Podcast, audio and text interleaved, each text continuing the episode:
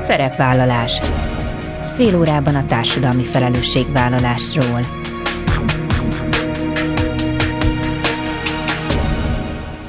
Napot kívánok! Bíró Bori köszönti Önöket. Adásainkban hétről hétre példákat hozunk arra, hogy egy-egy cég vagy intézmény, netán magánszemély, milyen formában, milyen eszközökkel járul hozzá anyagi gondok, társadalmi problémák orvoslásához, az életminőség javításához, a fenntartható fejlődéshez. Így módon is kifejezve, hogy felelősséget érez azért a környezetért, amelyben él és dolgozik. 2022-ben ünnepelte fennállásának 20. évét az Önkéntes Központ Alapítvány. A születésnapi eseménysorozat zárásaként december elején átadták az önkéntességért díjakat. A mai műsorban két díjazott lesz a vendégem. Elsőként az év önkéntese a fotós Pál Zsombor, aki a pandémia elején jelentkezett a Pécsi Mosolymanó Közhasznú Egyesület felhívására, melyben rászoruló családoknak kerestek olyan önkéntest, aki élelmiszert és egyéb adományt szállít az elzárt közösségeknek. Az Egyesület a pandémia idején több mint ezer élelmiszercsomagot adott át, melynek kétharmadát Zsombor szállította. Az év közösségi kezdeményezése díjat idén hatan kapták meg, közülük az adásban a hahó önkéntesek mutatkoznak be. A több mint 400 fős közösség olyan társadalmi célú projektekbe kapcsolódik be, ahol gyors és szervezett segítő munkára van szükség. A csoport 2022 tavaszán vált aktívá, amikor az ukrajnai menekült válsággal kapcsolatban több nagyszabású akcióban is részt vettek tagjai. A szervezet tevékenységéről az egyik koordinátor, Prior Becka író mesél. Ezek a mai témáink, tartsanak velünk! A telefonál Pál Zsombort, az évönkéntesét köszöntöm. Szerbusz Zsombor! Üdvözöllek, szervusztok!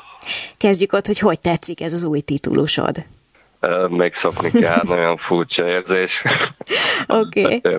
elhiszem, elhiszem, és minden évben, amikor az évönkéntese díjazottal beszélgetek, akkor ez mindig egy ilyen tapasztalat, hogy általában nem nagyon érti a díjazott, hogy ő mit keresít, és hogy ő egyáltalán bármilyen szempontból kitüntetett lenne, úgyhogy abszolút értem ezt a zavarban levést. Ugyanakkor fantasztikus, amit te a pandémia alatt csináltál a Pécsi Mosolymanó Közhasznú Egyesület felhívás megoldására jelentkeztél, és rászoruló családoknak vállalkoztál arra, hogy élelmiszert és mindenféle egyéb adományt juttass el, még akkor is, amikor a legnagyobb lezárások voltak. Te miért döntöttél úgy, hogy amikor mindenki félt a vírustól, bezárkózott, akkor fogtad magad, és ha jól tudom, volt olyan, hogy hetente akár 30 vagy 40 családhoz is ellátogattál? Azt hiszem, hogy és hogyha kitérhetek igazából a mi voltjához, alapvetően koncertfényképészként foglalkozom, és abba az időben jött egy, hát ugye a pandémia lezárások, amikor így a legtöbb munkát mind események számába elvesztettem. Sokkal több időm lett megfigyelni a külvilágot, és azt hiszem valami hasznos cselekvéssel tölteni az időt, ameddig más kollégák mondjuk elmentek raktározni, meg ilyenek, addig a család részéről jött egy ilyen ötlet, anyukám ajánlott ebbe az egész civil szervezetbe, és azt hiszem, hogy ezek a külső megfigyelések és érdeklődés alapvetően a szociófényképészet, a szoció témák iránt az vett rá igazából, hogy ezzel foglalkozni. Igen, mert hogy egy olyan érzékeny területre mentél fotózni, hát főleg összehasonlítva a mondjuk a koncertfényképészettel, ahol nyilván nagyon-nagyon sok nehéz sorsú családdal találkoztál, ahová azt gondolom, hogy nem lehet egyfajta érdeklődés vagy kíváncsiság nélkül oda menni, hiszen nem mindenki vágyik ilyen környezetbe. Téged hogyan fogadtak a családok? Az elején nagyon nehéz volt, és az ember nyilván sokkal kötöttebb formába és formálisan közelíti meg a családokat, de azt hiszem én mindig egy nyitottabb ember voltam, és elég könnyen megtaláltam azokat a kapcsolódási pontokat, hogy közelebb engedtek magukhoz, és azt hiszem, hogy így elég hamar megtörtént ez a fordulat, hogy elkezdték, gyakorlatilag beinvitáltak, elmesélték röviden az életüket, és ebbe engedtek valahogy kibontakozni, és elkezdtem őket fotózni ezekbe a kiszállításokba, és ezekből épültek fel később az anyagok.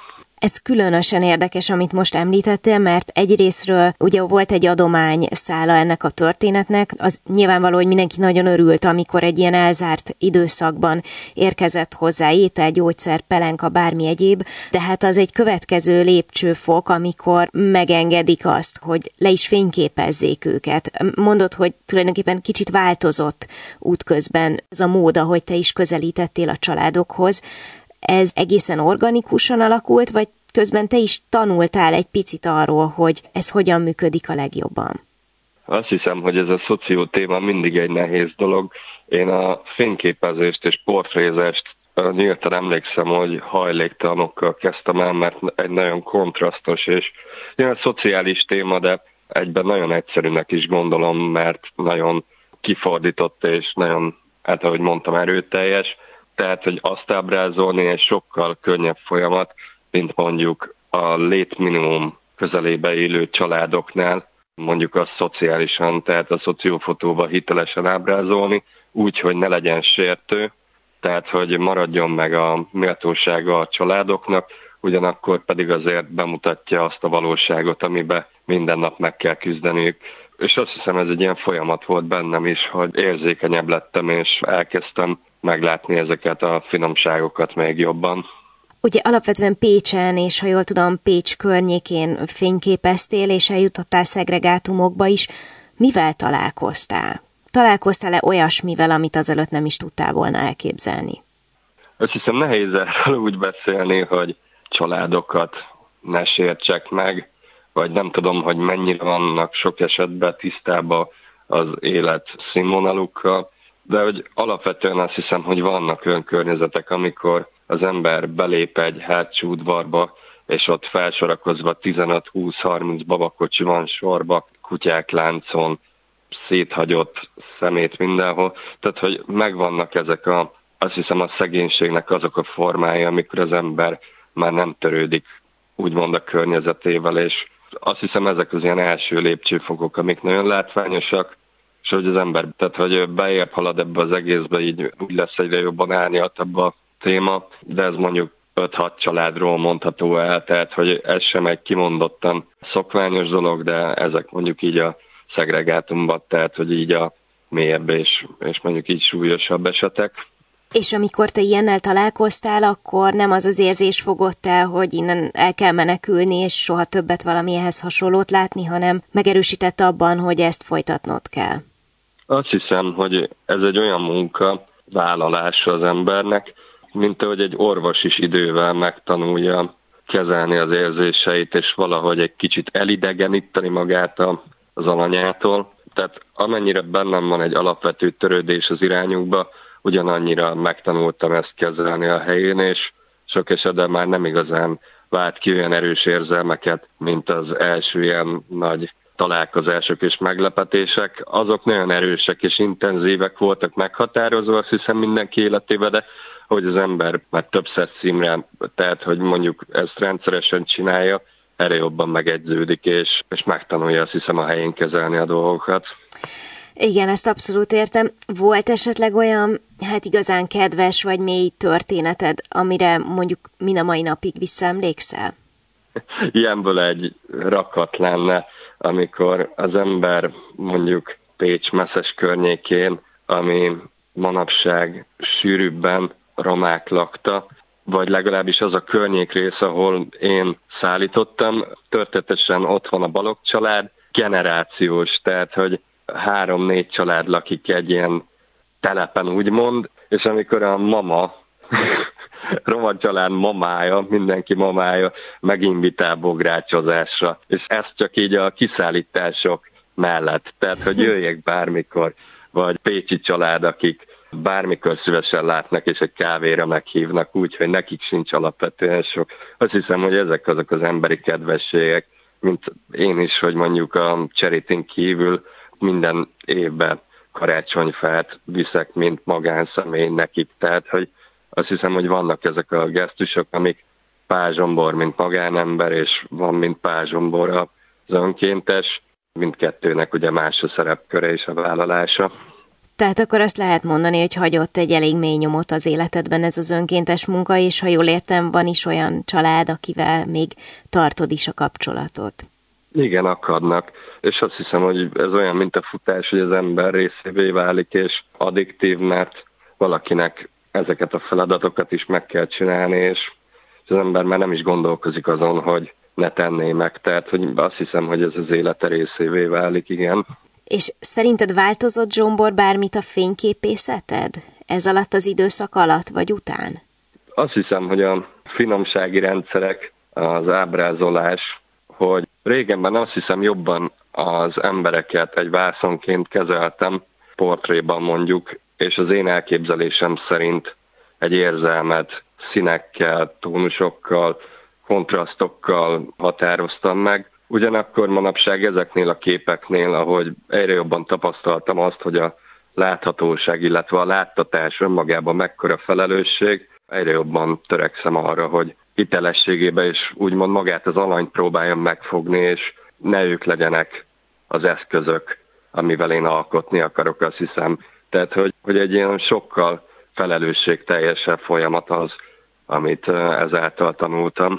És mi lett a sorsa az önkéntes munkád alatt készített fényképeknek? Hogyha valakinek felkeltettük az érdeklődését, akkor meg tudja ezeket valahol nézni? Természetesen jelenleg a legtöbb Facebook formátumon, a Mosolymanó hivatalos Facebook csoportjába található meg, ugyanis nagyon sokszor gyűjtéseinket is ezekkel a képekkel hirdettük Facebookon, illetőleg terjesztettük. Deák Andi a kiváló civil szervezetünk elnöke naptárat készített belőle, amit szintén felajánlásokkal, tehát adománygyűjtése. Tehát, hogy még ilyen formátumban létezik, még úgy kimondottan Facebookon túl életre nem igazán gondoltunk, hát de még megláthatjuk. Simán el tudom képzelni egy kiállítás keretében, de hát ez majd meglátjuk akkor a jövő zenéje még, és igen, említetted Deák Andi nevét, ugye ő a Mosolymanó Közhasznú Egyesület vezetője, és ő az, aki egyébként jelölt téged az évönkéntese díjra, úgyhogy nem baj, ha elhangzik az ő neve még egyszer. Igen. Zsombor, neked szeretettel gratulálok, az évönkéntesével Pál Zsomborral beszélgettem, és további sikeres munkát kívánok neked a jövőben. Nagyon szépen köszönöm.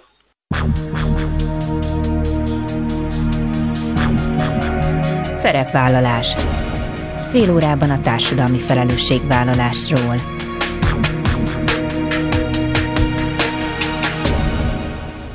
Folytatjuk, idén hat közösség kapta meg az év közösségi kezdeményezése díjat az Önkéntes Központ Alapítvány díján, és közülük egy a Hahó önkéntes közösség mutatkozik be a következő néhány percben. Prior Becka, koordinátor író a telefonnál. Szia Becka, szeretettel köszöntelek! Szia! Én is szeretettel köszöntöm a hallgatókat. Hadd gratuláljak nektek a díjhoz. Nagyon-nagyon szépen köszönjük, nagyon büszkék vagyunk mind a 457 önkéntesünk, aki most a csoportunkhoz tartozik. Mindenkinek nagyon repes a szíve a boldogságtól, hogy egy ilyen, ilyen nagyszerű díjban részesültünk, és elismerték a közös munkánkat. Ez a 457 ember azt gondolom, hogy már önmagában egy óriási dolog, és nem beszélve arról, hogy egy viszonylag friss csoportról van szó, mert hogy 2022 tavaszán váltatok aktívvá, kifejezetten az ukrajnai menekült válsággal kapcsolatban kezdtetek el szervezkedni. Hogyan hogyan kezdődött a munka? Igazából ez nem is egy szervezkedés volt, hanem az ukrajnai háború kitörése után nyílt egy menekült szálló itt Budapesten, és akkor gyakorlatilag az oda jelentkező önkéntesekből szerveződött később ez a csoport, de eleinte mindenki csak tenni akart valamit, csak úgy érezte, hogy mindenképpen részt kell vennie ebben az önkéntes tevékenységben, és akkor gyakorlatilag két hónapig éjt nappal téve dolgoztunk a menekült szállón, mindenki a tőle telhető legtöbbet nyújtotta, és amikor onnan eljöttünk, akkor gyakorlatilag egy ilyen újra szerveződés történt, és akkor alakult meg a Hahó közösség. 2022 májusában alakultunk gyakorlatilag. Hogyan lehet ilyen sokféle embert koordinálni, mert akkor nyilván egy dolog közös bennük, hogy mindenki segíteni tenni akart valamit, és ugye ezt tudjuk nagyon sok esetben, hogy az első lendület az mindig viszi az embereket, de aztán változik, hogy ki mennyi időt tud önkéntes munkával foglalkozni, hogy éppen milyen a magánélete, stb. stb. Tehát, hogy mennyire nehéz egy ekkora közösséget, egy ilyen színes közösséget összetartani. Egyrészt én nem, nem vagyok vezető. Ez egy alulról építkező közösség, igazából olyan komolyan vett vezetője ennek nincs is, és nem is egyedül viszem ezt az úgymond vezetői szerepet, hanem többen koordinálunk, én csak egy vagyok a sok közül, és igazából a sokszínűség az, ami hátrányként gondolja az ember, hogy ennyire különböző kvalitású emberek kerülnek egy csoportba, akkor ez valami nehézséget fog okozni a közös munka során. Ez a legnagyobb meglepetésünkre soha nem okozott semmilyen problémát, sőt, ez a sokszínűség szerintem egy olyan fűszere ennek az önkéntes munkának, hogy gyakorlatilag akik soha nem kerülnének egy társaságba, vagy nem jelennének meg egy eseményen, vagy nem egy lenne a baráti körük, vagy az érdeklődési körük, azok is egy ilyen önkéntes munka során a lehető leg könnyebben simulnak össze, és egy, egy fantasztikusan jó hangulatú, sokszínű közösség alakul ki, és ezek az emberek nagyon szeretik egymást, és ez a szeretet, amit kialakult az elmúlt fél év során, szerintem ez a mozgatórugója a hahó közösségnek, valamint nyilván az, hogy olyan ügyekért teszünk közösen és folyamatosan monitorozzuk, hogy az mi önkénteseink azok az ukrajnai menekült válság elmúltával, hogyha lesz ilyen, és nagyon reméljük, hogy a közeljövőben, akkor majd mit szeretnének csinálni, hogy ez a közösség együtt maradhasson. Én úgy gondolom, hogy mindenki, aki idejön, az a legdrágább kincsét, az idejét áldozza erre, ebből kifolyólag itt nincs motiválatlan munkaerő, úgymond, hanem, hanem mindenki tényleg azért jön, hogy tegyen valami jót, és ez a ez az elégedettségérzés, ami egy-egy ilyen projektnek a lezártakor elkíséri ezeket a, az embereket, ez, ez hozza őket vissza legközelebb is. Említetted, hogy az egyik első munkátok az a menekült szállóm zajlott. Ott pontosan mi volt a feladat, vagy mivel tudott ez a nagy közösség segíteni? Igazából a menekült szállónak az üzemeltetésében több mint ezer önkéntes vett részt abban a két hónapban, amíg mi ott szervezetten együtt voltunk, és ez a legkülönbözőbb területeket foglalja össze a takarítástól, az élelmezésen keresztül, a menekültek regisztrációjáig, az utókövetésig, a segítésig. Ez egy tranzitszálló volt, ami az első hónapokban gyakorlatilag ugye óriási forgalmat bonyolított, naponta érkezett 200-250 menekült, akik valahova tovább Európába, vagy bárhova a világ bármelyik pontjára készültek tovább utazni, mi őket szállásoltuk el, úgyhogy ez egy ilyen nagy üzem volt, úgy mondanám, hogy egy ilyen nagy szállót kell magad elé képzelni, és akkor az ő ellátásuknak minden aspektusát foglalta magába a munkánk, és ennek a hatalmas tömegű embernek a különböző adminisztrációs feladatait és a rengeteg önkéntesnek természetesen a koordinációját, ami szerintem elég profin sikerült, tekintve azt, hogy még mindig együtt vagyunk, tehát hogy valóban egy ilyen összekovácsoló erejű munka folytott.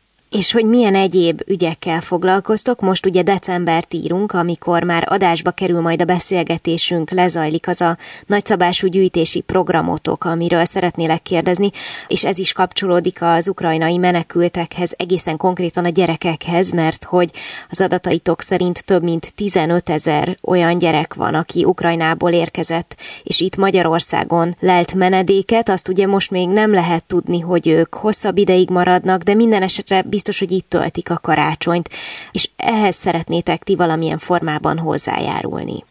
Így van, ezek nem a mi adataink, hanem ez a UNHCR-nak az adatai gyakorlatilag, hogy most 15 ezer gyermek van Magyarországon és tölti itt az ünnepeket, és a mi akciónk az arról szólt, hogy gyakorlatilag 300 gyermeknek szerettünk volna ajándékot biztosítani, és ehhez egy nagyszabású gyűjtést szerveztünk, amihez magánszemélyektől elkezdve egyházakon keresztül nagy szervezetekig és alapítványokig nagyon-nagyon sokan csatlakoztak, ami szerintem annak köszönhető, hogy a Hahó közösség az elmúlt nyolc hónap során megmutatta, hogy hogy valóban hegyeket képes megmozgatni egyrészt, másrészt, hogy egy megbízható, transzparens közösség, akik mindig az utolsó forintig elszámolnak mindennel, amit rájuk bíznak, és azok valóban eljutnak azokhoz az emberekhez, akinek szánják, és szerintem itthon Magyarországon ez az egyik legfontosabb az ilyen civileskedés és önkénteskedés pályáján, hogy, hogy azok a szervezetek, akik működnek, azok az ő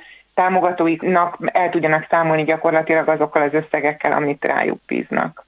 És akkor most az az összeg, ami összegyűlt, abból, hogyha jól tudom, dobozokban szeretnétek a gyerekeknek különböző ajándékcsomagokat összeállítani.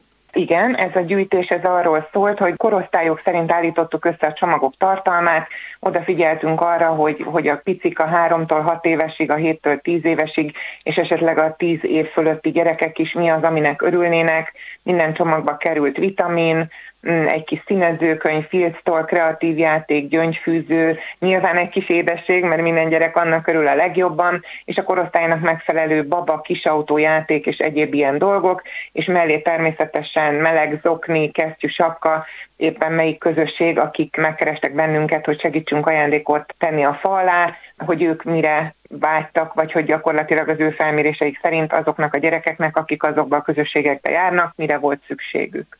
És Bekka, hogy látod a jövő évet és a ti feladatotokat az ukrajnai menekültek életében?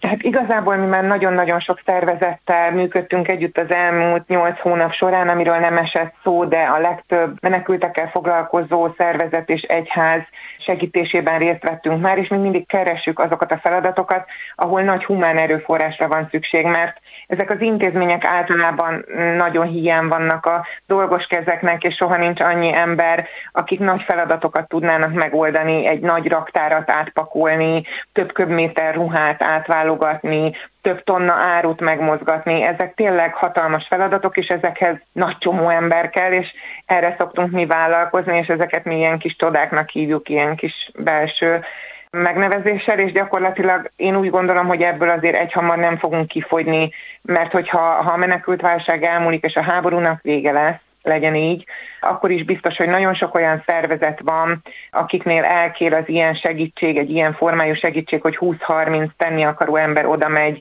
és megcsinálja azokat a dolgokat, amikre esetleg évek óta nem került sor, mert hogy nem volt rá erőforrásuk, emberük, aki ezt megcsinálja. Úgyhogy én nagyon pozitívan látom a jövőt, biztos vagyok benne, hogy fogunk találni olyan feladatokat, amivel a jövőben is ezt a nagy tenni akarást ezt le tudjuk kötni, és az önkénteseink is velünk maradnak.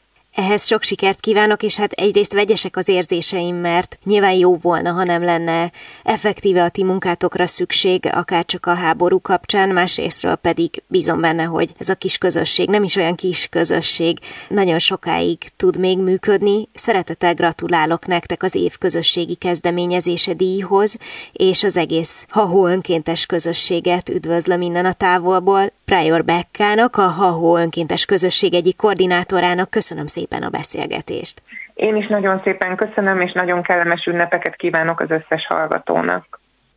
Ennyi fért a mai műsorba, legközelebb jövő héten szombaton 13 órakor jelentkezem. Ha még nem tették, kövessenek minket közösségi oldalainkon, a Facebookon, az Instagramon és a YouTube-on. Ha bármiről lemaradtak volna, az adást természetesen vissza tudják keresni a Klubrádió weboldalán. És most már jó ideje podcast formában is elérhető a szerepvállalás. Keressék a Spotify, a Google és az Apple podcastek felületein, ahol bármikor meghallgatható a műsor. Köszönöm, hogy ezúttal is velem tartottak, további kellemes online rádiózást kívánok. Bíró Borit hallották.